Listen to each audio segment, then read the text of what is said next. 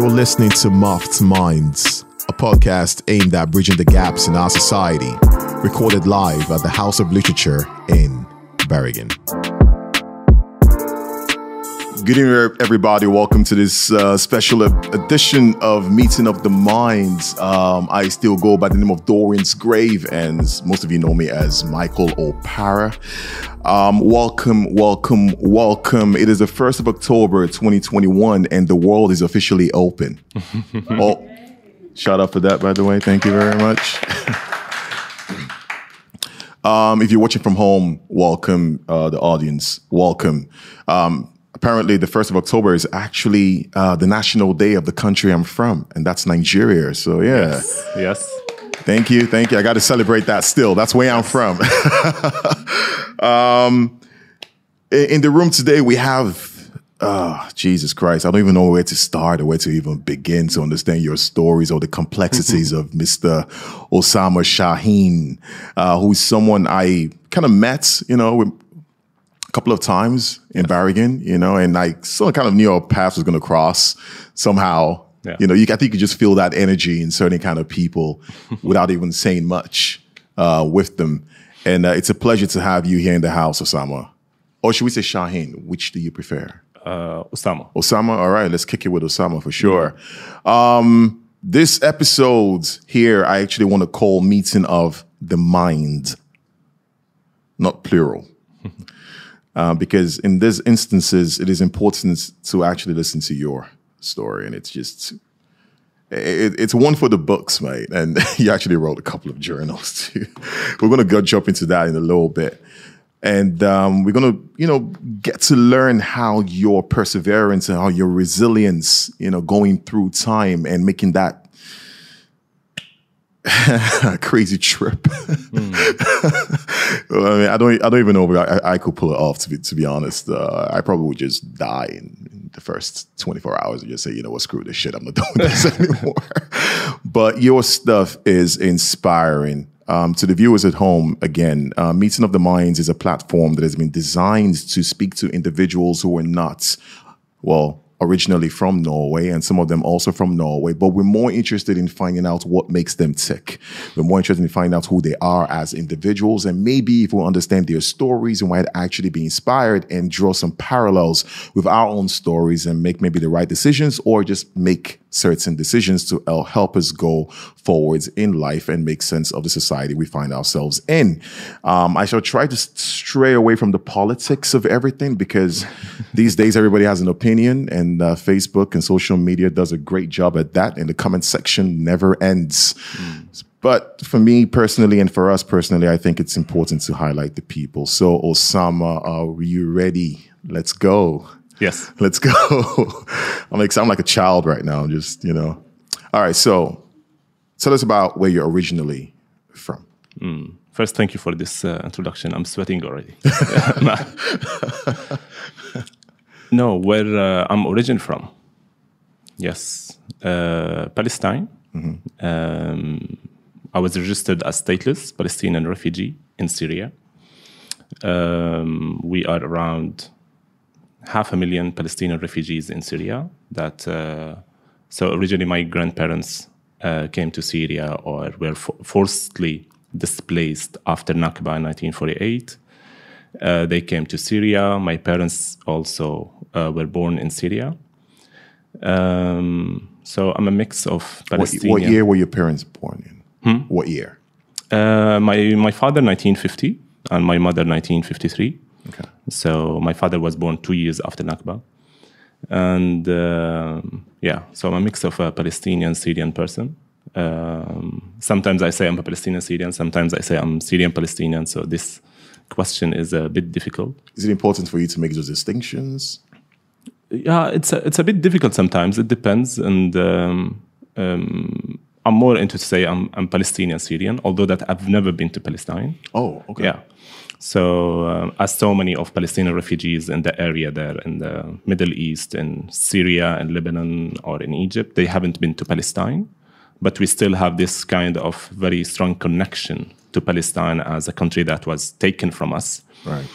Um, yeah.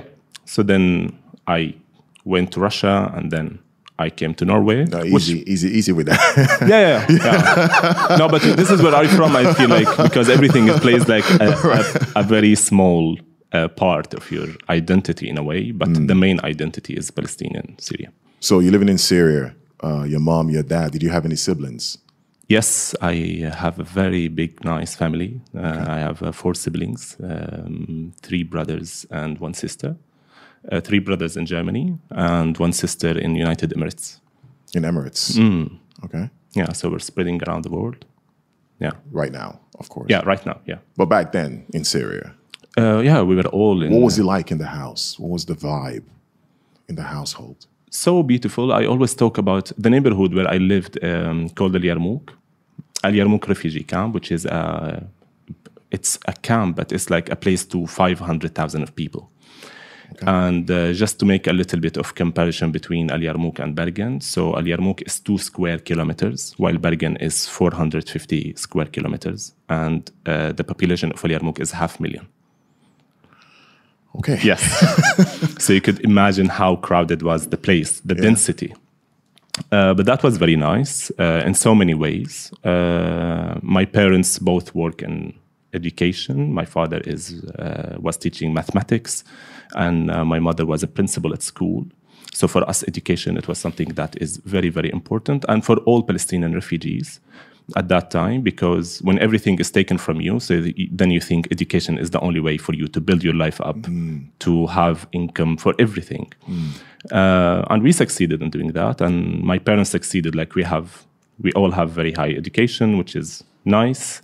Uh, i'm the youngest. Uh, I- was quite spoiled, spoiled between my brothers. Okay. yeah, and uh, How so? yeah um, no like um, my my like my parents were building their life up in a way All right. so then uh, it was so difficult for the one who was born first first in 1977 my brother ahmed and then then i came the last in 1990 my family already like were established and, you know so i wasn't really through what my oldest brother had been through um, yeah, but um, very nice home. Uh, I, I remember it very well. Of course, I can't I can't visit it now. Uh, Ninety square meters where like uh, brothers share uh, one room and like I guess you know the vibe. It's, No, it's yeah, just, it's just so beautiful. I understand. Um, it will be so difficult if you ask me about the whole family because then uh, like. Uh, the extended family was like spread out everywhere. no, like it's about like there are so many. All right. So it would be so difficult actually to ask the uh, to answer the question about the numbers. So, but they are a lot, and uh, so I have very big family from my mother's side, and also from my father, father's side is really really big family, uh, which is very nice. I have a lot of cousins. Uh, two of them they live here in Bergen. Oh, okay. Yeah. Uh, ironically enough, one of them has the, the same name, and uh, he was uh, he is a dentist. so, God. so so many times people really mix us up. That's pretty uh, Yeah, like we studied in the right same there. school and then at the same university. I'm three years older than him, and then I don't know how it. We both live in Bergen right now, so sometimes he get messages and uh, Osama come here, and then he say, "You send it to the wrong Osama. Send it to that one." I am the one who is still a dentist. yeah, Interesting. Um, and I like the way you describe um, all this with so much joy.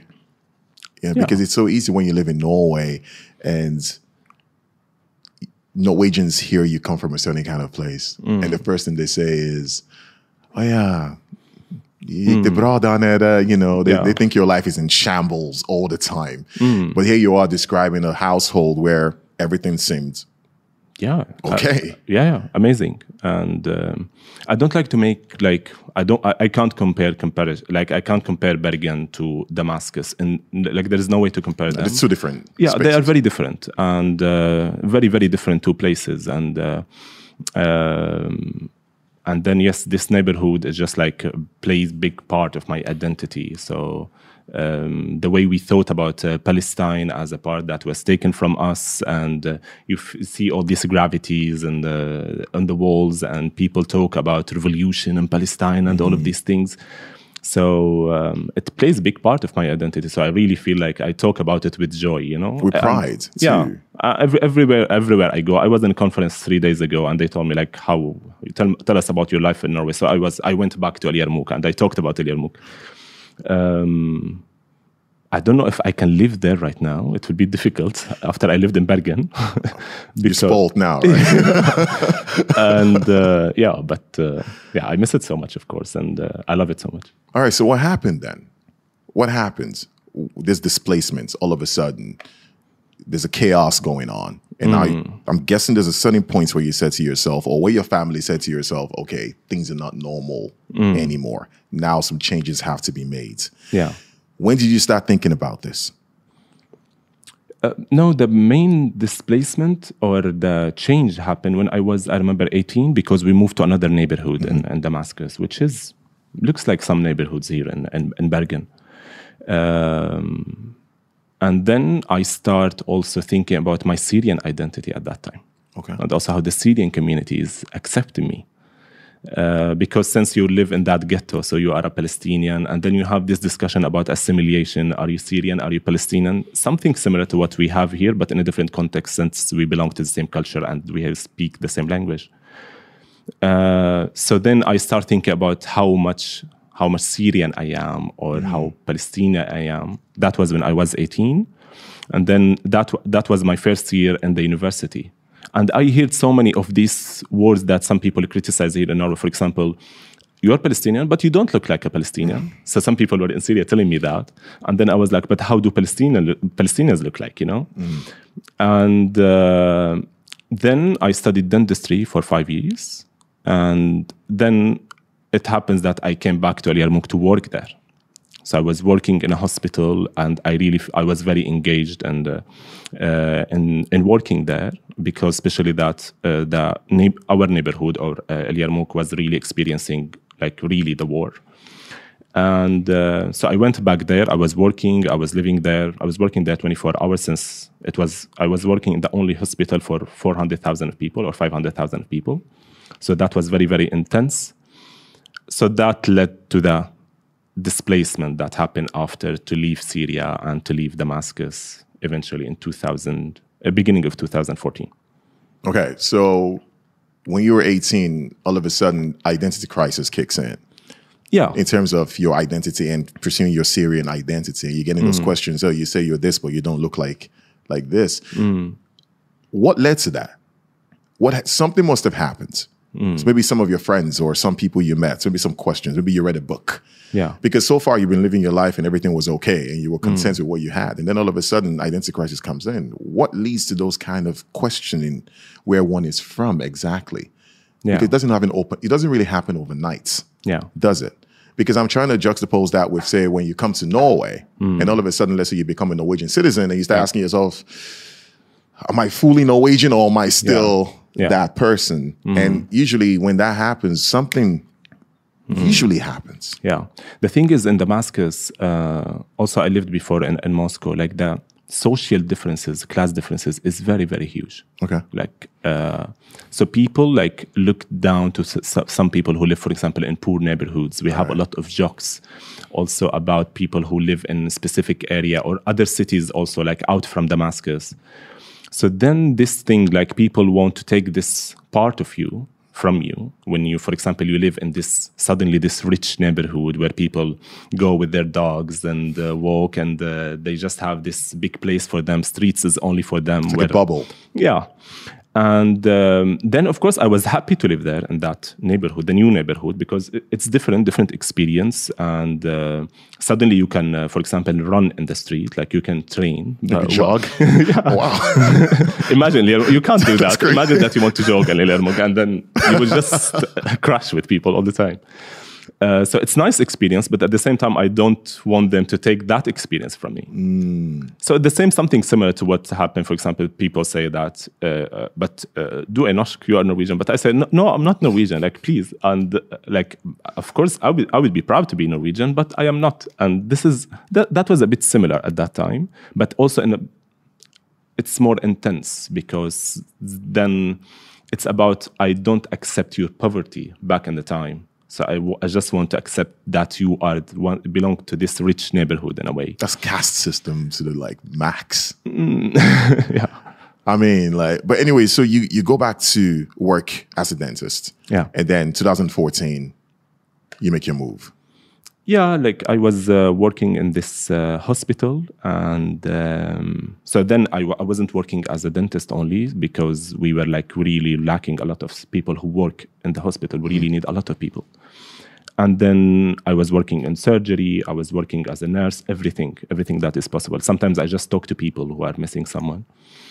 And uh, then the hospital was was bombed, like was completely destroyed because Al Yarmouk was considered to be a place or a neighborhood out of out of order. Out of order be, uh, means that uh, the majority in this place are against the regime. So that give the uh, the regime the green card just to bomb the whole place. Uh, so uh, like the half million neighborhood that I'm talking about now, it's only 10,000 people who live there. So it's almost uh, 70% of it is destroyed. And uh, so then at that time, I needed to make the move because uh, then also it's very dangerous since I work in this hospital.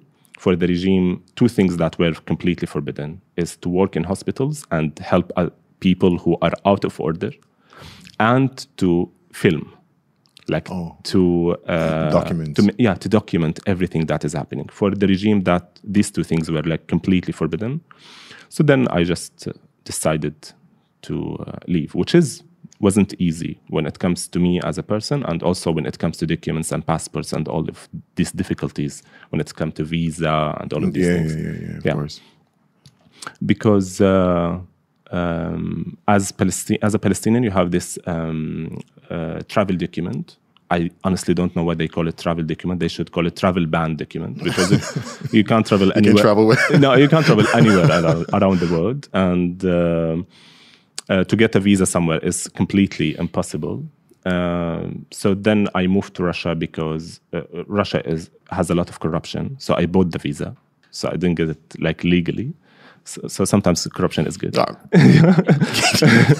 yeah, I mean, so then I traveled there. Like Russia is a nice country, but it wasn't my dream. For example, my childhood dream to live in Moscow. Or, but then I ended up eventually in, in Moscow at that time. what was your family at the time?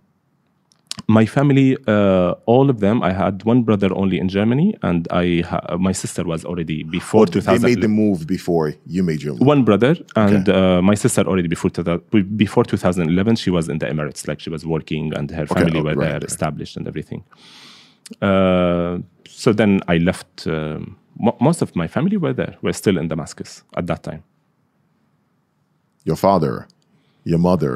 I mean, Hmm. how did it? What What were they going through mentally? Can you describe it? Because if you're, I can imagine that you come from a family where um, certain virtues are very important, right? Like you mentioned, education. Hmm. And like you said, that's a normal thing, especially the way you come from a space like that. It's important to get education because education can be your gateway to something else. Yeah. And if you are a principal and you're a mathematics teacher who's your dad,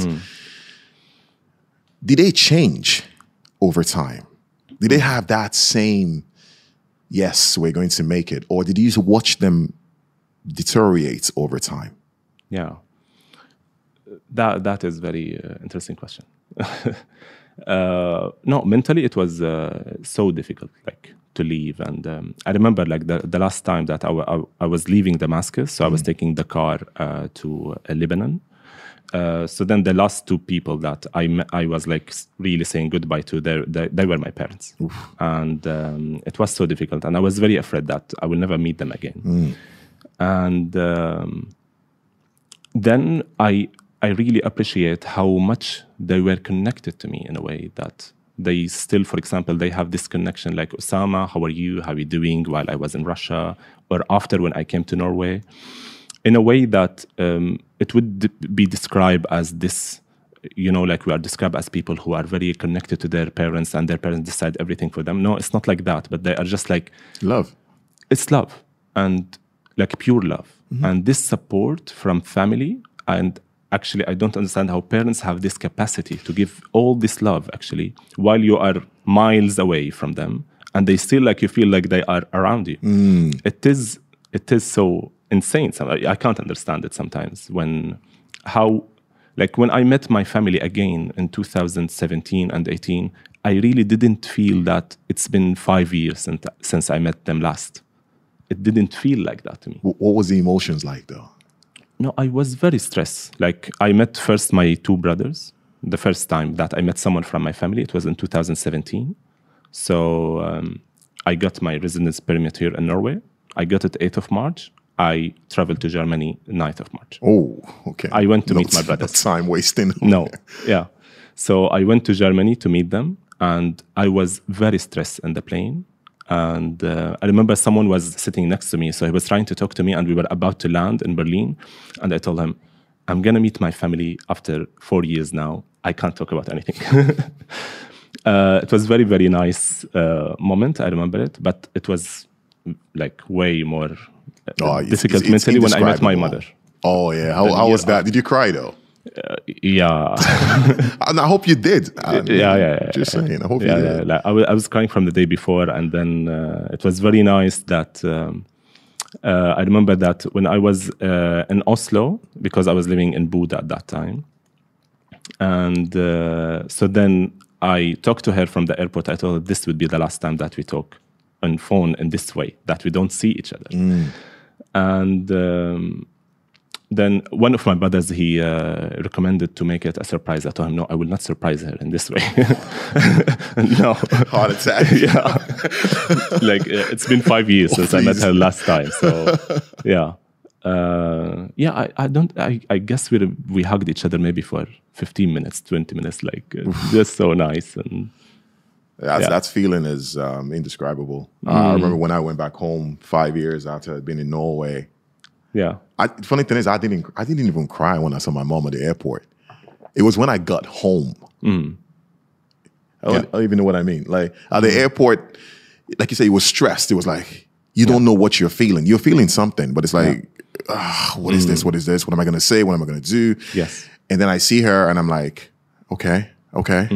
You know, we did a normal hug and everything. And when we got home, as soon as we opened the door, man, I am crying Yeah. like like you said, I was crying for at least 20 minutes straight. Hmm. And it wasn't because of I think it was because of those the, a rush of these memories just they start coming back to you, you know? Yeah. And uh yeah, but anyways, we're gonna run it back to 2014 because I think you're trying to run away from the bicycle, man. not gonna let you do it, mate. I'm not gonna let you do it. I mean, I'm trying to understand I'm What- trying to understand as well. We make decisions. Okay, everybody makes decisions every now and then, and it's okay. We make we, we make calculated decisions. How did you end up with that decision right there? Uh, the bike. The, the bike. How did you say to yourself, okay, you know what? Fuck it. This is what it is. Do it. No, um, I came to. I, I uh, lived in Russia for one and a half year, and then um, Russia was included significantly in Syria, like in the war in Syria, and they were sending Russian army and everything. That was September 2015.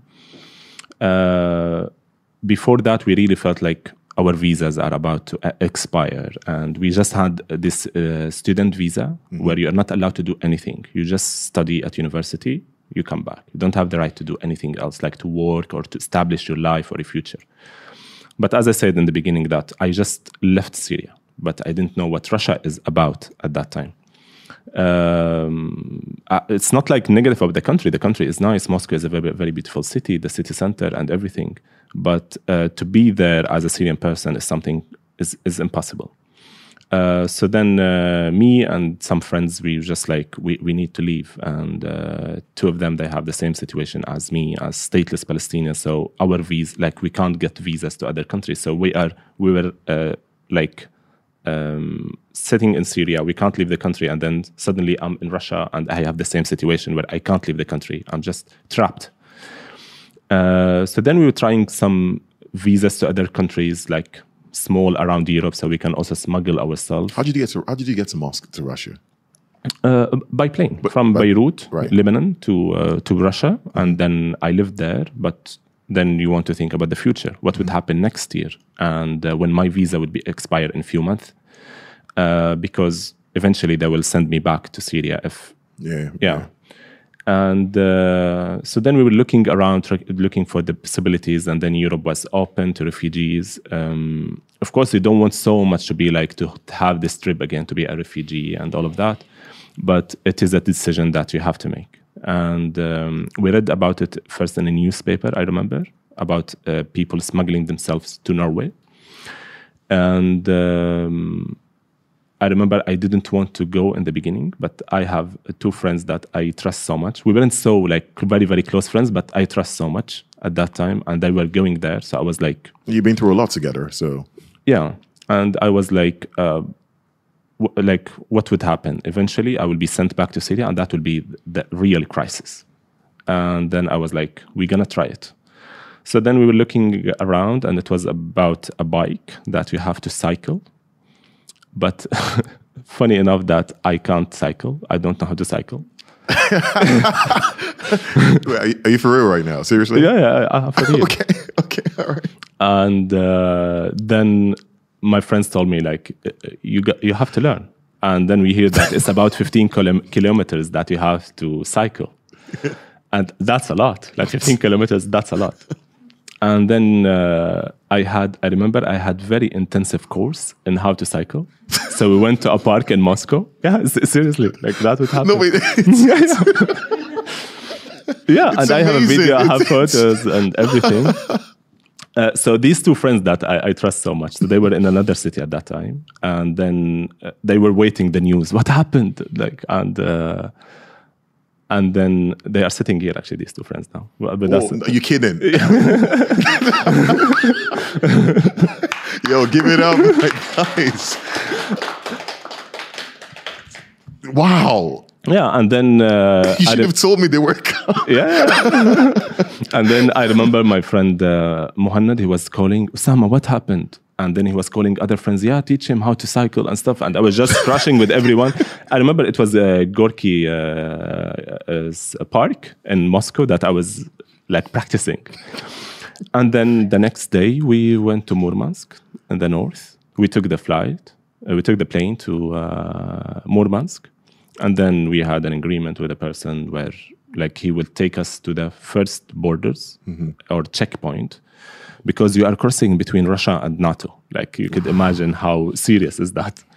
Uh, so it's three checkpoints, and um, the first one we could cross uh, with car with this man, and then on the second checkpoint you have to cycle from the second to the third, which is 15 kilometers. And then luckily, back to corruption, uh, the Russian army said, "You don't need to bike. You can pay hundred dollar, and we will transfer you." And I would pay everything I have in my life for not to cycle 15 kilometers.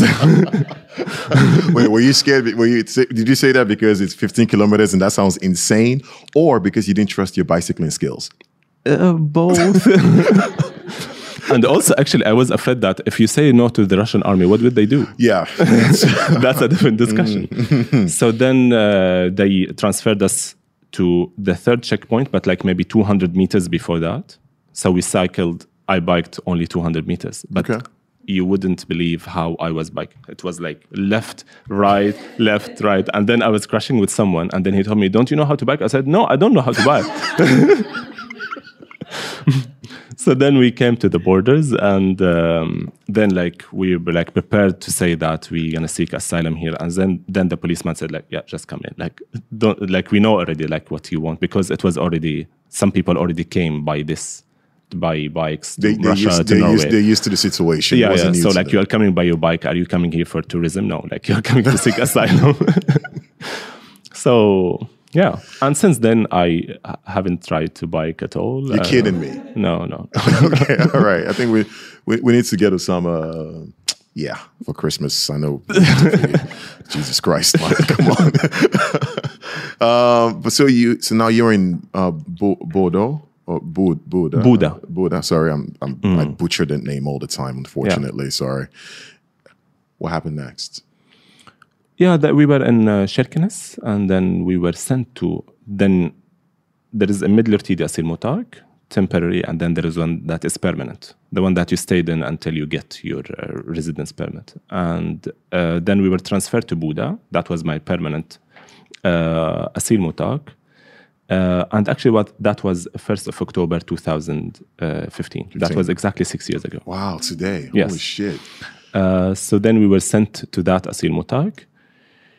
Tverlandet mottak in Bodø, it is, I think it is the ugliest place in Norway. It is so ugly. Like uh, Norway is very, it's, it's a Yeah. beautiful country with nature and everything, but that place is just so depressing. Um, a lot of people who just, um, 200, 250 people, who, refugees, who are just waiting for uh, their documents, their positive answer from UDI. So then it was, we were expecting like this would take maybe six months until we will get this positive answer from UDI and we will start establishing our life. You got, you come with a lot of hopes. And then we were crushed by a lot of decisions that those people who came from Russia, Syrians who came from Russia, or people who are um, uh, like Palestinians, Syrians, they are not, they will not be treated as refugees, but they will be treated as Russians. Okay. That was at that time. So then, like, we expected like that will take maybe five, six months, and then with that came. So then our application was rejected for asylum, and then they said like this case, like in a way, like doesn't deserve to be looked at because you came from Russia. It's a safe country, but actually I didn't come from Russia. Right. I came from Syria. So that was a big dis- big discussion and UDI and everything, and um, for around one year, I guess, were around five thousand people. Uh, Seventeen hundred were from Syria or Palestinians who came from Syria. So we are people are actually that we don't have any place to go back to. Uh, so then at that time we were trying our best and then uh, the applica- application was rejected the first time the second time and you are living in this asylmottak where actually you don't have the right to do anything So you felt like you were back home in Syria, actually, when you think about it.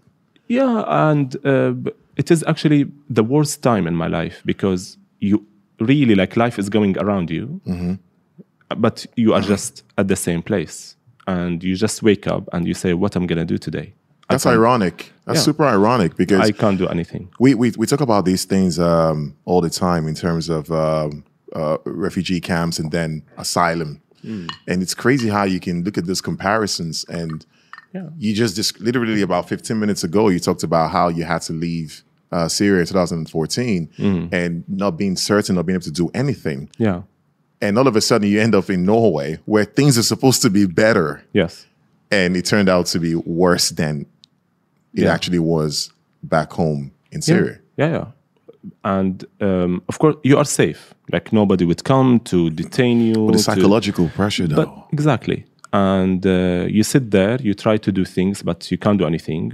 I was trying to engage myself in different things, translation, translating some stuff, and uh, but it was a very difficult period. Eventually, we were like treated as Syrians. There was a, a decision to treat Syrians who came from Russia as Syrians, and then we got our residence permit after one and a half year of living in uh, asylmottak in that place in Tverlandet. So that that period was really difficult. And um, i remember like my family was trying to support me like imagine someone in syria is trying to support you while you are in norway because you are not you are you are not legal in norway. And um, luckily also like one of my friends was here was in Bodø at that time one of those who biked with me. And then also i got to know some people. I got to know the person who is my girlfriend right now and um, also i uh, was i met a norwegian family that uh, we were for example um, for example taking care of the cats while they're away. And they were treating like really me as one of the family inviting me to dinners and stuff. And you really have you really need that recognition yeah. that you are a human being. Uh, you don't just belong to that uh, ugly place. You can be invited to some places. You can be invited to play football with others. That was very important for me and um, then I got that positive answer from UDI, and I just decided to stay in Bodø for a while to study Norwegian and then to move to another city. Was it difficult to study Norwegian? Uh, no. A lot of people say things about how Norwegian is a difficult language, but I disagree. no, my English was good at that time, and um, Norwegian. I studied Russian already, Okay. and uh, back in Syria also I studied Spanish for a little bit of Spanish. No, uh, like I study Spanish just for fun, and Okay, uh, yeah, so I understand a lot, but I don't speak it like very Right, well. right. But then I studied Russian in um, very short time, so I know already how to how to study a new language. And then Norwegian is very easy, like the verbs and everything. It's- like grammar in Norwegian is easy. It's not pretty so straightforward. difficult. Yeah, it's pretty exactly. straightforward to be honest. Yeah. a lot of people. I hear people say things about how Norwegian is. There was something I read on on on, on social media, and somebody said Norwegian was the most difficult language to learn, and I said, No, no, fam. no, I disagree. Try learning French. Mm. You know. Oh, Arabic or Russian. Well, I, I, I, I- I'm not, I'm not familiar with those words, those worlds. I'm talking about where I'm, where Mm. Yeah. Mm. what I try to learn. And I remember, like, I looked at Norwegian and I said, "This is pretty straightforward. Mm. It's if you speak English somewhat, Yeah, you'll be fine. yeah. You know, it's just the time to Mm. go through it. But now you learn the language. Did you think now, okay, now you're ready to get into the society. Now you're ready to become who you are as a man. Yeah, like uh, this time while I was studying um, Norwegian, so you start like to feel the place around you. To actually, I was living in Bodø at that time and asylmottak, but then it was complete different experience when I was living in Bodø as someone who is legal. And then I'm studying, I'm doing something, like the energy is different. The way you look at the streets, everything is also different. Um, so at that time, like my like the only hope that I had is just like to be settled and to be legal. But then when I stayed in Bodø for a while after I studied Norwegian, I was like, I want to move from here. like I was like, it is a bit boring to live here. It's a very beautiful city. But you outgrew, you outgrew it. yeah it, it is very beautiful city and people are very very nice and um, i already had some network at the, uh, and there but i was like i really need to do the move like to a bigger city maybe and especially that this thing about dentistry that start happening so i really need to find a new path and um, i was like in between oslo and bergen and then i visited bergen once and uh, the city is just so And you beautiful and I visited in June. I didn't visit in September or October, you know. How did that work out for you? No, it was uh, it was 30 degrees, and uh, then also I was a bit uh, falling in love with the city and with someone. So then everything was like charming, still charming. I, I love Bergen. So I, I always said Bergen is this. Um, it's like a it's like a toxic relationship, you know, where you know when when it's bad, it's really bad, but when it's good, I, li- I like to do it. it's good. We stay, and then the new students usually come here um, in in August. Yeah, And in August, the weather is actually kind of nice. and you party. you know, oh, wow, you know, amazing city, and it doesn't rain. And then they say, "What are you talking about? It never rains in Bergen." and then all of a sudden, it's like, People say it rains a lot, and then uh, yeah, like that's what people say in August. People say it rains a lot, but then suddenly in September and October, it's just like constantly raining and yeah. No, but and so you you come here still. You've been through all these things, and and and you as a foreign person coming to Norway, I'm trying to relay this on other foreigners who've been here too, and I think your story probably resonates with a lot of people, maybe in the room. Definitely your mm. your your, your boys over there, you know, and of course other people who are watching from home. And so far, it just seems to me like you're just steamrolling. Mm. You know, you're not stopping and saying oh no, what am I going to do? I'm depressed. This is the end of my life, especially when you describe the asylmottak mm. you were in as being super ugly of a mm. place to be in. But still, you keep going. I mean, you get a family, you get to look after the cat. You know, you meet a mm. beautiful woman and you come to Bergen. One time you're still in Bergen, you're still going, you think about dentistry. How did you get into dentistry? Did you, you eventually take your master's? Yeah, like uh, what I studied in Syria, it was five years uh, dentistry. So we call it uh, in Norway they call it master. In Syria we call it a bachelor, bachelor of five years. Okay. But then after you finish this, so then you are you can practice and work as a dentist, as in Norway after these five years. So then I took uh, one year uh, after that in Syria, and um, then I was working during that time. I was working in the hospital, and um, then when I was in Russia, I studied another year in surgery, um, oral surgery for one year. So overall, I studied seven years dentistry. And then I applied for uh, to work as a dentist here in Norway. So there is two things: there is NOKUT and there is Helsedirektoratet. So the NOKUT sent me all the uh, points that I studied. It was it was fair. Like what I studied, I got it. But then Helsedirektoratet said, "No, Osama, you can't work as a dentist here." So I got an avslag. And uh, the reason is that you have to study, you have to apply or to go through some tests, or you have to study again as a dentist. So I was looking around. What what are the possibilities? It was um, either I study this, I go to get my authorization as a dentist in Norway, or I will uh, study something new. And I was crazy enough to start to ch- choose the first one, which Okay. is I will have I will have to have chemistry one and chemistry chemistry two back in videregående skole because they don't accept the chemistry that I studied in videregående skole. It is so insane. I, I still don't understand, especially that we really need a lot of dentists and doctors in Norway. And uh, I have to have chemistry one and chemistry two, and then I have to apply to university. L- maybe I will get to the second year immediately since I studied seven years dentistry the same alive. So then I will go to the second year. Overall, it will take six years. And what is my problem with that wasn't the time. My problem was that why would I study the same information that I studied back in Syria, just in different language? Like ju- ju- that's just a loss of time. So when I was going to this chemistry and uh, classes in videregående School, so I was sitting there, 27, 28 years old, sitting with 16, 17. You know, like the difference in these 10 years are like very different when you are, for example, 27 and you're sitting with people who are 37 Yeah, right, right. it's right. very Yeah, different it's different. Oh, mindset absolutely, everything is very different so then i was sitting there and i was studying chemistry that i passed completely in syria and then for example the teacher is asking me questions that actually i know so much in chemistry that i can be the teacher and uh, uh, like i didn't want to be very humble and just to study all of this i was like after two weeks uh, back to my friends. So I was living with Muhammad at that time in Bodø, and he just felt that it's mentally punishment for me. Oh, like for it's really punishment for me. So then I just decided I would just drop that. I will not go to chemistry anymore, and I just have to study something new. Like I will not do this dentistry thing in uh, in Norway.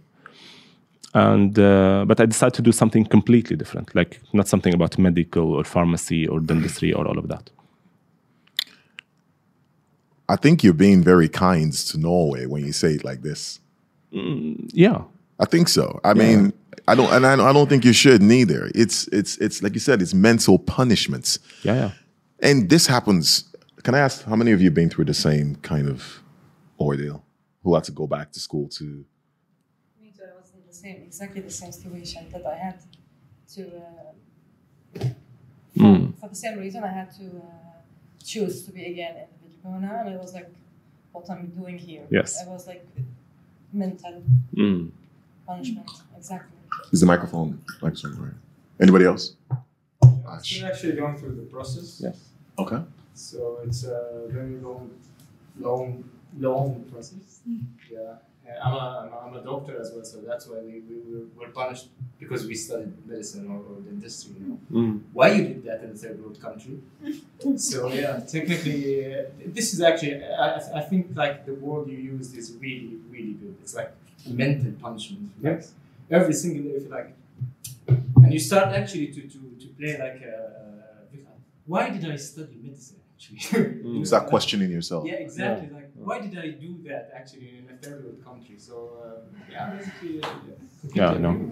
Yeah. Mm. So I, I, I hear this this story a bunch of times, and um, and I my my conclusion to that was this is how you're systematically oppressed. Mm. You know, when they send you back in time, that you never catch up. Yeah. You know, and and and for you, it's always a choice. Actually, haven't you noticed that? For the foreigner, it's always like a choice. Yeah. For the Norwegian, it's like "Pfft, we know where we're going. This is what happens, and of course, you don't have that information. Hmm. Um, what we forget, um, one thing I was thinking about, and in your situation, and in Ash, I know Ash from from hmm. before, and it's and of course in your situation is that where we come from as hmm. foreigners. Haven't you noticed that you know the situation of the people around you? What I mean is that you know who your neighbor is, You know who's working where, you know who's doing what, you know Yeah. what jobs they have, you know your friends, you have that connection, you know what's going on. But when you come here, the truth is you have no idea who's doing what. Hmm. Socialism does that, right? And then you're in class with a bunch of 16 God, which is like a nightmare. I can imagine how how insane that must be for you. And a teacher who you're probably smarter than.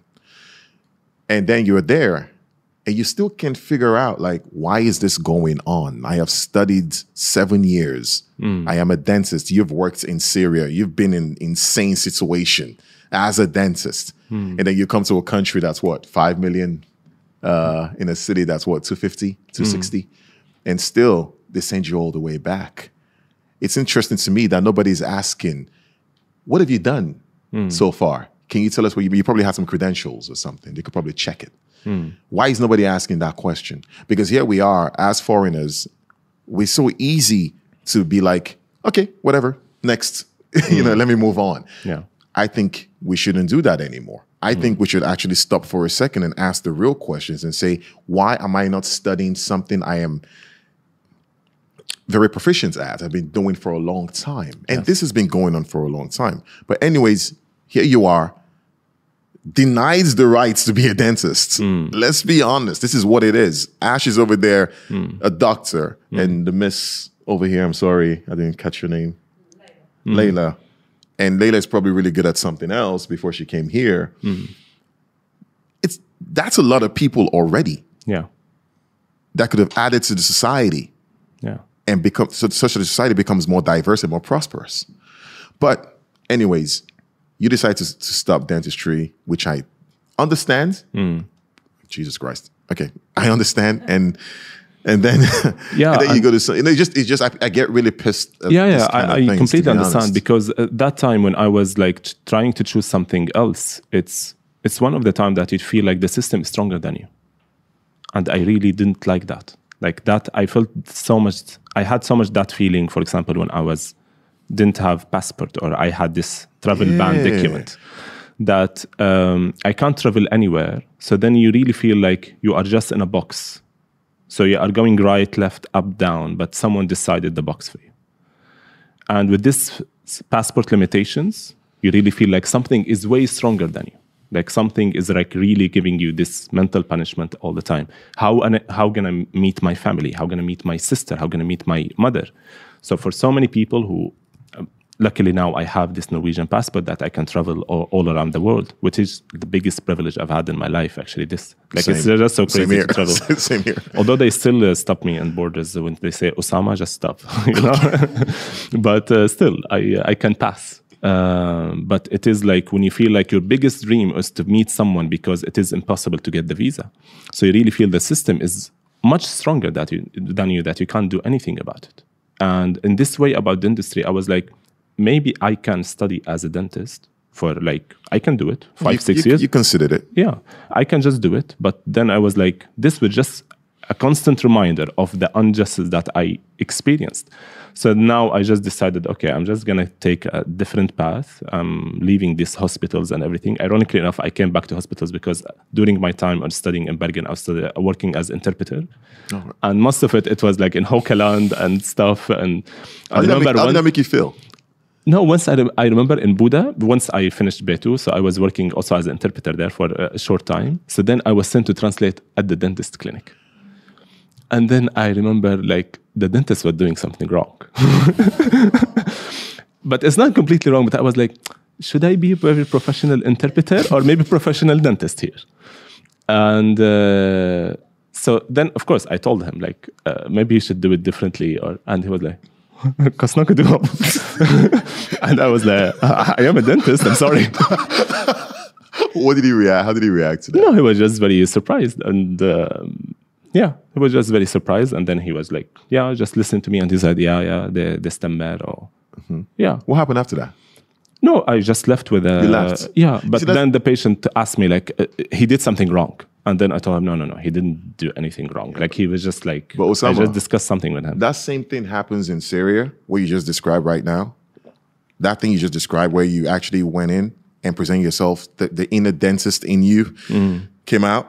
You know, it's like a doctor in in, in anywhere. It, it's in your blood. You know, you mm. can't help yourself. But you mm. know what's funny? I realized something. If it was somewhere else in the world, like Syria, I'm pretty sure you would have been offered a job. Mm. People can listen to me and say, What are you talking about right now? I know what I'm talking about. I'm pretty sure they would have been intrigued, you know what I mean? And say, Hey, this guy, how do you know these things? Mm. What are you doing as an interpreter? You want to have a meeting tomorrow, maybe, and talk about your, you know what I mean? Mm. This is a system in Norway I have seen many times where people who are actually good at something are not given the opportunity they deserve. Why? Because I feel like we live in a selfish state. Hmm. A society where people don't, well, people don't say good morning. Well, some do. Hmm. People barely talk to their neighbors. When the parents get old, you dump them somewhere in an old people's home. What does that tell you about the place you live in? In all honesty. And if you're sitting over here for seven years, you work to become a dentist, that you are actually a dentist. Hmm. And you go into a dental clinic and you actually talk to a dentist and tell him, hey, man, you did hmm. something wrong. And he tells you, yes, you're right. What stopped him from saying, hey, guys, there's a guy over here who's this. Why don't we just hire him? Mm-hmm. Which takes me to my next question. Yeah. Fremmedfrykt. Yeah, hmm.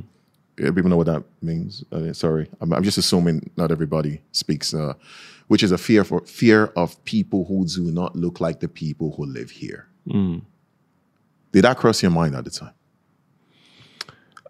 In a way, um, at, at that time when I was at the dentist, you mean, Yeah, or in Yeah, general, that or, whole period yeah, of yeah, of course, of course, you feel it uh, all the time. These microaggression things, you you experience it. Oh, yeah. yeah, you experience it uh, all the time, and it is very difficult because um, apart from this thing about dentistry, like this thing about microaggression, that in a way, the problem with it that you think about it all the time, but when it happens, sometimes you you don't recognize it. yeah, yeah. so then, know for what you example, you, feel like someone is ignoring you, but then you feel like, yeah, maybe this person didn't listen to me or so. But then it goes a whole discussion that this person is talking to the person right next to you, but they completely ignore you. And uh, then you feel, oh my, this is microaggression. What is happening right now is microaggression. And it is a really big problem that you feel so many people. I notice it so much in the bus. So people just go to the safe area, which is right in the middle. They go and stand there, especially if they are migrant men. They go and stand right in the middle. They don't want to try to go there because they know the looks. Like there is an immigrant man who is coming to sit next to me. So, um, yeah, these things it, it happens. It, you just think about it all the time, and uh, Or you just end up ignoring it and just say, okay, you know what, this is the society we live in. This is what it is. Because how, how long did you, how long did you come to this realization? Because when you're in Syria, Mm. okay, of course you experienced uh, a whole different type of yeah, system in terms Yeah. of wealth, and but that's different kind of oppression. right, a different kind of oppression. It wasn't about, it wasn't racism per No. Mm. se, you know. And, and then you come here. When did you start to play this in your mind? When did it start to kick in? Like, okay, there must be something here. When I was in mottak, you could feel it. So, and the refugee center there in Bodø. But uh, then you start to put words into it. Um, when I was also in Bodø, I after that, when I got like I start studying Norwegian, I start going around in the community. You just feel like sometimes things are not working well, and you try just to understand what is what is that, what is the dynamic here. So then, why this person is nice, why this person is not, and these things about microaggression, you start to make these divisions also between racism, direct racism, and microaggressions, which I feel like we have it so much in Norway. It, it's more microaggressions. It's more microaggressions yeah. dynamics that we have in Norway than really direct racism because Absolutely. direct racism, I saw it in Russia, like in front of my eyes. It was very easy just to see the divisions between these both. Yeah. Uh, so in Bodø, and then after I came here, I remember like when I started studying at the university, I was like, if we are 20 people who belong to the same place and there is one person who is different, we will try to include this person. But then I just felt like there is some kind of like ignoring or not giving a lot of attention to this to this person and actually sometimes you really wish that these people tell you no you are you don't belong here just go away Just say directly, right? sometimes it just kills you know mm-hmm. but then you just come back home and you just feel like should i go to university tomorrow? Hmm. So these things start just also to, start also to play in that what should i do? What is next? Then now i took a decision to study at university. Completely new path. I left dentistry and then i came to university and the environment around is not welcoming. Of course not all the students but of some of them. But you really feel like these things are making you sometimes should i regret my decision that I- i'm studying this. Or should i stop? Should i go back? Absolutely. Uh, yeah. Um, no i i i, I continued and uh, but it's still it, it is very difficult and um, now i don't experience it at work but um, in general i still feel it sometimes in the street. Sometimes you just sit with friends and someone and someone came in to the party or to the sitting maybe it was less during corona it was different kind of microaggression it was about like how things are described about migrants reason of corona and all of that but uh, it's still sometimes like you just experience it and you just have to be aware of it but it is um, like really difficult mentally to just think constantly about it 24 hours It Oh, difficult. absolutely. it is hundred percent. difficult. hundred percent. And I told like I, I came for me it was about and let's let's be very clear. Let's be very clear. Um, for those watching this right now, um, not everybody's bad. Okay, we need we need to we need to say that. that's definitely okay. yeah. We we have to. Otherwise, I don't. Some people might be watching watching this from a different part of the world and then make a conclusion and say, "Oh, oh my God, everyone is like that." The answer is no. no They are fantastic. I've met some of the most fantastic Norwegians in my life here. Uh, but at the same time, we are just trying to normalize certain discussions. yeah If you don't normalize it, it continues. yes If you ignore it, it's it, it, it just it grows. Mm. And, and and what we're trying to do right now, we're just discussing some of the microaggressions we see here in our society, and we're just trying to address those things so that when you're aware of it, you never know. Maybe there's a 15, 14 year old who has no idea what this is. exactly yeah And now he's watching this and he's aware, like, oh, wow, that happens. Mm. So next time it happens, you don't feel like there's something wrong with you. Hmm. Because that is what happens eventually. And I think it also messes with your your self-esteem as a human being, uh, as a person, your your worth as a person. Did you feel like, okay, my name is Osama Shaheen, I need to change my name? oh my god so many people recommended me to change my name to get a job in norway and uh, Did you ask them why?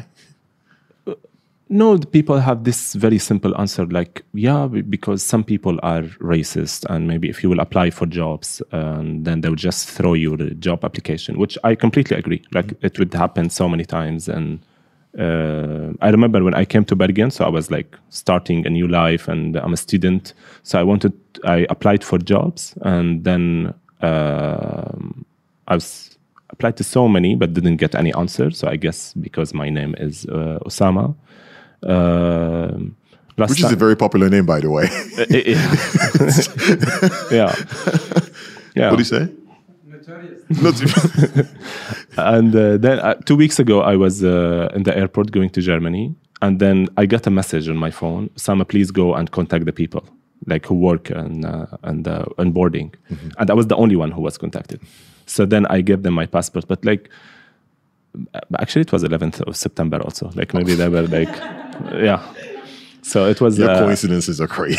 yeah, but like if I would do something uh, t- uh, like terrorist attack, I will not call myself Osama and make no fake Norwegian passport, you know. but it, like they stopped me in all like in the way that in Hamburg and stuff. So they were just checking and they say, yeah, okay.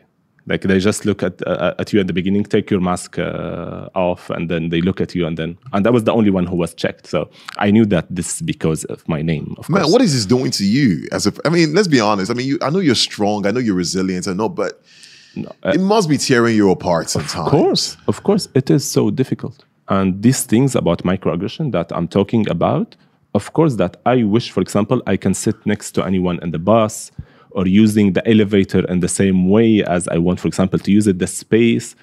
Uh, sometimes, of course, it tears you apart, no matter how strong you are. Because when you constantly think about microaggression, this is a problem. When you think about yourself as a suspect, this mm-hmm. is a problem. When you go to a, an airport and what happened, for example, if something is wrong with you in the plane, for example, you make a weird sound with your phone or something, people would get afraid of you. Of you. you just think about all of these things constantly. For like, I, I guess for so many men, uh, airports is like with a name of Osama or Muhammad. I think airports is really punishment. Like you just you feel yourself as a, as a suspect there because of all these dynamics about your name, uh, religion, and all of these things. Uh, I don't know what to say. Hmm. I mean, it, it, and, and we with this conversation should be running fluidly. We should be talking and having a good time, and not good time, but we should be addressing issues. But mm. sometimes when I hear some of the things you talk about, it's safe to say that I really don't know what to say. Yeah. No, and uh, about this question about people told me to change my name. So then I was like, okay, so uh, if I change my name and then let's, what could, should I call myself? Olav, let's say. So my name is Olav, and then yes, Olav, you are invited to this interview. So then, actually, already in my application, I studied in Damascus. Did Olaf studied in Damascus in Syria? No, who is this Olaf? Then I come this Olaf to this interview, and this Olaf doesn't look like an Olaf. How does Olaf speak? He doesn't speak like an Olaf. So, uh, like I like this, it doesn't appeal to me. You know, like doesn't make any sense. No, it doesn't make any sense. And like, like you know, like to change your name, like uh, why? You know, like, yeah. it's it's. the same about this. I remember I was in. Uh, we were like uh, I was listening to this uh, debate between political parties in in in, in Oslo, and many of them they uh, recommended this anonym Søknad. Mm -hmm doesn't change anything. I was like, what if this person studied in the Islamic University of Gaza? like, how does Anonym Søknad would be anonym at that time? And then like, oh yeah, we like the, the politician was like, we didn't think about that. I was like, maybe you should uh, consider it. Like, what if this person studied in Kabul? You know, like why not to change the person who is like the employer, like the arbeidsgiver, but you know like the mentality of that. Why why don't we work on that instead of telling people to change their names or to make anonym søknad and I, I stopped sending applications a long time ago for jobs to be honest. I rem- and I, I, can remember the last time i sent an application for a job um, i think what really what really pissed me off was the very fact that companies and industries were hiring stupid people to give orders. Mm and not not to sound I'm, i never said i was smarter than they are. That's not what i'm saying. But if this story keeps going on and on then maybe just maybe mm. the person who's in charge of that company needs another job. Because mm. most of the times when you see how many of you have applied for a job and to the audience watching to and the first thing you see is it's advent. Have you ever seen that on the you see that all the time right? It's advent you know what's funny is I got no problems with everything on that application, but when I see that word "Ut Advent," then I have a problem with the application hmm. because it's a bit ironic that, especially when you're a foreigner, if you notice, if you're a foreigner and you work in a space, we foreigners have a way of being very positive, haven't you know? We're very positive people. We mm. we smile a lot. We've been through so much mm. that it's like this is nothing, you know. Mm. So we we we just like, all right, sure, we smile a lot. But you know what's funny? The day you stop smiling, mm. there's a problem. Mm. Has anybody noticed that? Or is it just something I'm I'm just making up in my mind right now? If then it's good Ibrahim I'm like, yeah, I'm fine. I'm just having a bad day. Nice, mm. Do like a dålig stämning. I'm like, I'm just having a bad day, you know? Because the funny thing is, if I look at Olav, the person mm. you're describing, Olav can not talk to me. Mm. If I work in a company for a year, Olav, the Olav might just say, good, yeah, hi, okay, mm. there. That's all Olav is going to say to me. But no one is asking Olav, go to Brahmadai. Mm. Because it's accepted that that's how it is. That is the mm. status quo. And then you come in as a foreigner. I feel like we get lied to a lot. Mm on who we should be and how we should behave. I feel like we get lied to a lot. But what happens is we we're so grateful, you know, to be in a quote unquote better situation that we don't really see what's happening behind the curtains. Yeah. If you know what I mean. Yeah. You apply for a job, you feel pressure. Your name doesn't add up. You know, or sometimes, which is a classic these days, you're overqualified. And then someone else who's not even close to what you're doing gets a job, and you start asking yourself, like, what is wrong with me? Yeah. But I don't know. Um, I right now I, I'm actually really feeling this. This is the first time I think I'm. There's so many things you're saying, and it's just like I'm becoming so. I'm becoming aware of a lot of other things at the same time, you know, and it's just kind of like interfering with my questions. uh, but um, so you go to a new university space. Uh, sorry, to a new uh, degree to study something else, and then the first thing you what you said was that the the, the the the space didn't make any sense to you still. yeah like i didn't feel i'm very encouraged to go to university and attend the lectures. It was a bit difficult but i was still like trying to do it because the lectures were really interesting. I was uh, i chose to study gender studies uh, in the university of bergen bachelor first year from scratch. Uh, so i was really enjoying the lectures but like i didn't feel like i can be part of the group. Maybe for different reasons. Maybe my norwegian wasn't as good at that time. Um, so many different things but also one of them that the environment wasn't really inclusive.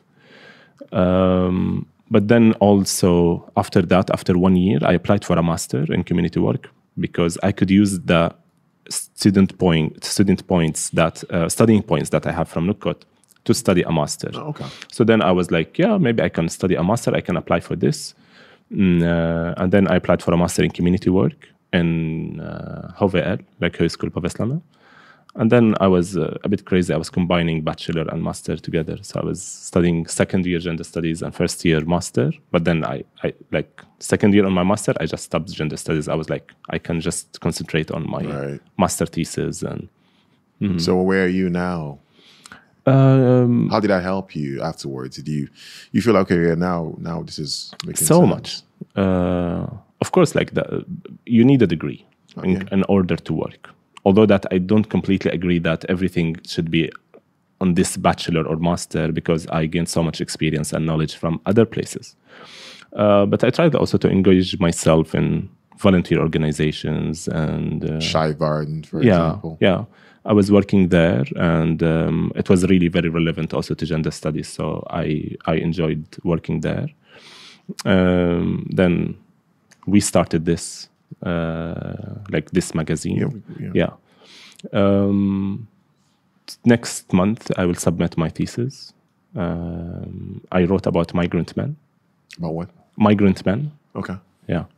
Uh, and how masculinity changed itself from a country to another when someone is displaced. Um, so yeah, I will submit next month, and I'm working on better now. Yeah, yeah, I see you were doing an intern. Listen, man, let's clap for this guy, man. Jesus Christ. Man, I think this is the reason I love my job. you know, it- it's like you get to meet all these beautiful people and have all these beautiful stories and take it in. Thank God I have to take it all out before the next interview. Otherwise, I'm just gonna go crazy. Yeah. Um, no, it's, I think it's amazing, and and then we're going to talk about the uh, the journals uh, you've written so far. And have you guys seen uh, Dar? It's called Dar. Dar. Dar. Yeah. Dar. Um, I think we could do like this. Maybe I can pass it around. We're all Corona free, right? Um, yeah, we're good. All right, there you go. and and it's it's right now. Is it three um, Three. three volumes? Yeah. And the, the because I, remember when I like I told you early today, I opened the journal. Now there's uh, volume zero, volume one, and volume two. Yeah. Right, that's three volumes Yeah. of the same journal. And of course, I asked for vo- the first volume, and I got volume one. Yeah. Which is I the was- second one. which was the second one. And I was like, oh, here we go. Let's start from the first one. And, Oh, yeah. and luckily for me, you brought in uh, volume zero. And I remember when I got the first volume and I opened it and started looking at it, I got so mad. Hmm. I got so mad that I actually said to myself, what is this? Um, I was saying, what is Osama trying to accomplish here? Really, you know, uh, just another journal. What is this? We, we've seen a lot of journals and blah blah blah. And then I realized that the reason I was mad was because I never had a journal like that when I came to Norway. You know what I mean? Because the information here in in in the journal is so, and I, I recommend you guys to pick it up. Uh, it's called DAR, D R. It means uh, house, Mm, home. home. yeah. It means home, and uh, there's a dual meaning, kind of dual duality to that name. Yeah, actually. like uh, the guy who created the name is the one who biked with me, and he's there, Imad. so we need to interview this guy next time. so I uh, discussed the idea with him. So he's the one who came with the logo and Mm-hmm. uh, the name. He told me like it should be a word that has both meanings in Arabic and Norwegian. It's easier. It's easy also for Norwegian people to remember since it's reflect each other. Uh, so yeah, it means home in Arabic. Yes.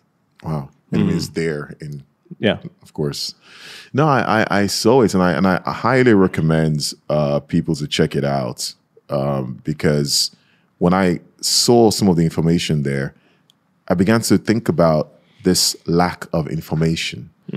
When we come here as foreigners, um, sometimes it is not that. E- I think the Norwegian society thinks that it's like a, you know, just switch off, Hmm. switch on. You're not in Syria anymore. Welcome to Norway. Yeah. This is you now. Take it. Yes. And I don't think it works that way. Mm, no. You were tearing a person, you were denying a person from everything they have learned, hmm. from where they're coming from, the, the society they grew up in. And some of them have even never seen the winter before. Hmm. You know, we had friends back home. We played football all the time. We talked to the neighbors. We say Yes. hi. We say hello. When we eat, we probably eat together from the same plates. Yes. It was just something we did when I was growing up. From the same plates, we say hello to the neighbors. And I think it's very unfair that the Norwegian society expects a lot from you. Hmm. They do not know that this is actually crushing your soul. Yeah. Because the more you're trying to climb up in the society, the more you're losing yourself of who hmm. you are. And it becomes this battle of identity. Yeah. So when I picked up DAR and I saw it, I was like, wow, this is actually good information to know about the society hmm. I'm in. Hmm. I, I think every school or whatever, you know, every not Asil, Mu- even asylmottak Yeah. actually should have one of those just like, hey, here you go, guys. Yeah. Uh, this is the society you're coming into. Here's the parliament, parliamentary system over here. These are the political parties we have. Uh, we have welfare system. If you work hard, you're going to get to it. Uh, school is generally free. Actually, you have possibilities. Give them this information. Let them Yeah. know what's going on. We don't say hi, hello, good morning, but you understand afterwards. There's microaggressions too, but you'll deal with it. you know, yeah. at least at, at least at that point, it prepares your mind Yeah. For what's that's why also the second number is it was about racism and microaggression because you really need to know these things in order to go on in the community. Absolutely. Because if you're just in this bubble that everything is nice and sen- suddenly you crash with something, you don't understand what is happening. But um, I completely agree with you, and um, this this transition transition. it is so difficult in so many ways that when you grew up, for example, I grew up in dictatorship. Like Syria is probably Yeah. very, very like uh, likely with um, North Korea. I would uh, compare it to. okay. Yeah. And uh, then this transition, when it happens, you really have to replace this dictatorship with something that the system is here to help you. You can criticize it. There is a lot of things to criticize, Absolutely. but it is there to help you, Oh, not as dictatorship. And this transition then is not so easy that, yes, now we practice your Norwegian identity, but it's not like that. It is so difficult. And um, this about political parties, so many actually, three or four people who say that they are first generation migrants, which are the målgruppa, like the target group of that. They said, like, we haven't voted before, but now it's not about the vote, it's about that we get information. What are the political parties are really about? And it is so difficult. And don't know. I understand Norwegian, and it is so difficult to to make all this to compare between them and what are the politics of this and that and to make your decision for example to vote or, or not to vote this is not the point but the point is to get the information the At least you know about it pretty Yeah. much. yeah And that information is not. I think it wasn't until recently where Norway began to look into its um, uh, minority numbers in terms of voting, and I think they understood that wow, a lot of minorities don't vote. yeah And I tell people you cannot blame the minority for not voting. Mm. You're not putting information enough for the minority to vote. And even worse, to make it even better, mm. there's not enough minorities in your parliaments. Mm. you know what I mean? There's just not enough. And my, we are such we are, the, we are the kind of people I think that when we see someone who looks like us, we feel like, okay, yeah, I can yeah yeah, sure. I, I can come to that and I feel more calm. Mm. I know what's happening. But when the political system, sorry, when the the the the the, the, the house, I call it the house, Stuten, mm-hmm. right? Stuten, yeah, mm. uh, it's called. If if they don't understand that you cannot make decisions for people who do not look like you actually. I know it sounds weird to say. Why? Because these people are actually coming from a different space. Mm. Now if you want them to understand your system well at least give them the information yeah. that's so they know. Mm. And it wouldn't hurt you. Every now eh, ash you have the statistics in this. How many how many migrants are studying uh, past uh, student in 2017, it was like five, which is like 2.5 percent. Yeah. Comparing to a 14 percent of of, of uh, or 15 percent of immigrants in, in, in Norway. So technically, there's like a huge underrepresentation of uh, of immigrants in the. But good thing this this this year it's like uh, 11 or something like that. So we're we're growing. Yeah. but this thing also about uh, voting, uh, like another reason, like migrants don't vote. But another thing is that those who vote, there is a lot. There is a study that also we mentioned in this uh, in journal, in Journal. Dar, that sixty percent of of them they vote for one party, which is the biggest party in Norway, because people want stability. And what what what are the people are voting? Yes, let's just vote to this party. So there is a kind of group voting, and this is really That's this is really problematic uh, because there is nine parties here. It's not only one party as as you had before because you just get used to this. And uh, we mentioned also in this, like it was in the introduction. Um, it was I, I was very angry and sad in 2019. It was that uh, the local election here in Bergen. Uh, and then i heard about one person who live in uh, Hilsha, and he voted for uh, a party, Nei til bompenger, which is okay. Like you vote, you vi- do vote any party. I'm not against it. But then you ask this person, "Do you have a car?" And then he said, "No." So why did you vote to the party that mainly is about people who has cars and are paying for this bompenger? And then he said, "Well, my neighbor told me it's a good party." But uh, it's basically like this area there. People voted for Nei til bompenger, and all his neighbors voted for Nei til bompenger. So this man was like going there, to going to the right, asking his neighbor there, his neighbor there, his neighbor there, and all of them they voted for Nei til bompenger, and then he voted to this party, although that he doesn't have a car. like uh, I'm, it's not about the party, No, but it's about like I- the main cause for this party uh, is like for people who has cars. No, then- misinformation, misinformation. Yeah. you know, and and of course, I wouldn't say ignorance, and I would I wouldn't say that because it yeah, it it's just, just doesn't misinformation. know. Yeah. You know, just misinformation because ignorance is such a strong word. Because then we're assuming that the person is stupid. Yeah. but I don't think he's stupid. I just he just didn't know. It was it was you do. I just do as my neighbor did. It, it wasn't you know. uh, but that happens a lot. Yeah. like you were saying, and I mean, it's it's there's a, there's a lot going on in our systems. There's a lot we don't see. There's a lot they don't tell us, and and and, and yet again, we still I still say Norway's. I'm I'm lucky I live in Norway. I'm not gonna mm. lie. I I it's great here. It's nice. I raise my kids here. That's mm. I, I I'm- thank God I'm raising my kids here. Yeah. You know, but at the same time, it doesn't. But doing this, having this conversation so freely on live television, it just goes to show that there's democracy here. Mm. exactly. Yes. You know what I mean? Yeah. I mean, we were actually sitting down here criticizing and talking Things. about, and, But we are enjoying the democracy of this. It's, it's Yeah, just we're course. Mm. enjoying the democracy of it, and we need other people to know about it. And and to, to even touch on something about when you're minority, I have a I actually have a, a friend of mine who she's a doctor, and she's African, Mm. and she was born here. like born here. She's she, she's probably more Norwegian than any, any other Norwegian I know. And I remember she's told me that when she goes to her patients, uh, Norwegian patients, when she walks in, they usually ask her, "When is the doctor coming in?" Mm. And, and it, it- it's like I, I was thinking, how do you react to that? Mm.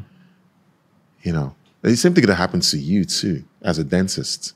That's the reason I'm saying it because let's say you had become a dentist, Osama, and you actually go to a patient and he looks at you and he says, "When is the dentist coming in?" Mm. In other words, I don't think it matters what you do. Yeah. You're going to face something, Yeah. and that is really sad. But you're here, man. And uh, but so far, so I mean, so do you feel like you're actually getting to the space you want to get? I don't want to say Yeah. fin- I don't want to say financially or or I forget that. That doesn't matter. I'm talking about peace of mind. yeah i'm enjoying what i'm doing right now and uh, like this work that where i'm working now it's really Bad, bad professional. Against Steven there. it's right? really professional. And uh, it's like also they are really focusing like this internship is really like nice program in general. They are investing so much in it and it's really nice uh, opportunity that i got. Um, yeah like um, it's nice like also with this uh, with dar and also how it is um, um, uh, like the result of a group work teamwork that is it's really like this nights that you spend before before printing are really like very stressful and um, you really like afraid of one word here one word there and like to make this kind of work like i'm not gonna be humble here like it really needs a lot of people. We are three people who are working in, in this so just like a lot of work but we are very very small team.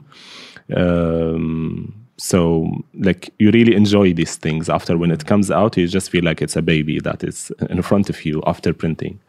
So this thing compare also together with work and everything it's things are well and i'm enjoying that i didn't go to the same to study the same information mm. in dentistry again like i'm mm. i'm like i'm happy that i didn't Oh yeah. take that step I'm happy I quit chemistry.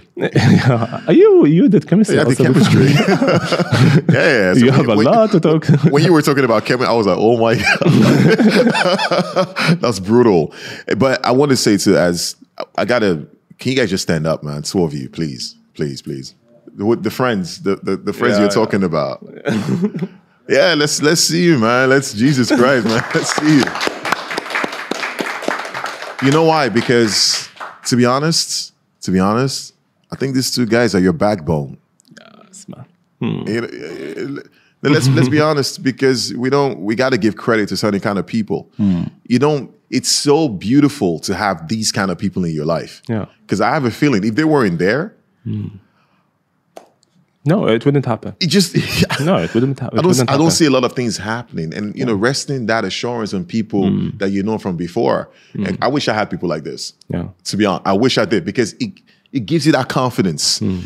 you need. And it, sometimes when you're at your lowest, of course, I know you're a girlfriend also. you know, but there's something about this friendship, especially the long lasting friendship from before, that actually elevates a person and pushes you to a different level where you feel like I can conquer the world Yeah. because I am not alone. Yeah, yeah. Man, it's been great having you out here, man. Thank you. Thank you. Thank you. This this has been this has been something. I uh, it's really a pleasure to be in uh, meeting of the minds, and I'm so happy that meeting of the minds exists. Actually, uh, you know what we just we just so happy. trying we're just trying to there's not a there's, like i said this representation is pretty low and it is important for people to see people who look different not different but just not your normal standards Yeah. uh, conversations if you notice we, i'm using curse words when i'm talking to you No. and the reason i do these things is because this idea is based on the foundation of the fact that there are not enough conversations going on yeah, right? And this conversation doesn't have to be between a PhD holder or a mm. master's degree holder or anything. It's just just two guys who've been in a city doing their thing mm. and just catching up yeah, and talking about what's going on. It's important. yes. Otherwise, Reg, mm. how old are you, mate? How old are you? Right. Hmm. Otherwise, a 15 year old cat like that goes up and thinks like this only these conversations only happen with two Norwegians. Yeah. That's not true. We have a voice ourselves. So my job is just to give us give us the voice and anybody who wants to echo that voice. Pretty hmm. much, that's my job and that's what I do. Yeah. You know, it's not about being famous or popular. I, I don't give a shit about that. God knows. Everyone who knows me knows that. It's not my thing. But it's great to have you out here finally. Finally. I know we've been pushing this for a while. it's good to have you, man. More power to you, more grace to you, and I'll be following your work for sure. Um, thank you guys for watching uh, this episode of Meeting of the Minds. If you haven't read Dar, please pick it up. If you're in Bergen, check it out. Um, I'm pretty sure there's a website somewhere. If you Yeah. follow Osama, where can we find it? Um, you can find it in front of Litteraturhuset. You can just buy the copies uh, if you want. Nor- Norton, it's yeah. called. Yeah. And uh, and website is darjournal.no. There you go. Yeah. Um, you guys should pick it up, check it out. It's amazing, amazing uh, literature. Uh, if you're just coming into Norway and you're Arabic, actually, it's even better because Yeah. it, the whole thing has been translated. It's just insane amount of work. If I may, if, if, I mean, I don't read Arabic, but I can imagine how much work must go into that. Um, thank you for tuning in, guys. Uh, please, Norway is an amazing country. I want to say that. okay, um, there are possibilities here. There are availabilities here. I mean, I, I I'm based here in the Literature House. Uh, which is an amazing thing. I have amazing colleagues behind the camera, uh, two fantastic ladies, Dina and Vilida, uh, been with me for a bit. Uh, check us out on Slam Poetry Bergen, uh, Instagram, Facebook, wherever. That's where we usually project from, or Muffed Minds on Facebook. Thank you very much for watching and have a pleasant, pleasant evening. Get drunk, get wasted, do what you need to do to get by the day. It's all good. Or just sit at home and watch a good movie. No problem. Have a good night. Cheers. This Meeting of the Mind podcast is brought to you by Slam Poetry Bergen in conjunction and collaboration with the House of Literature in Bergen. Tonight.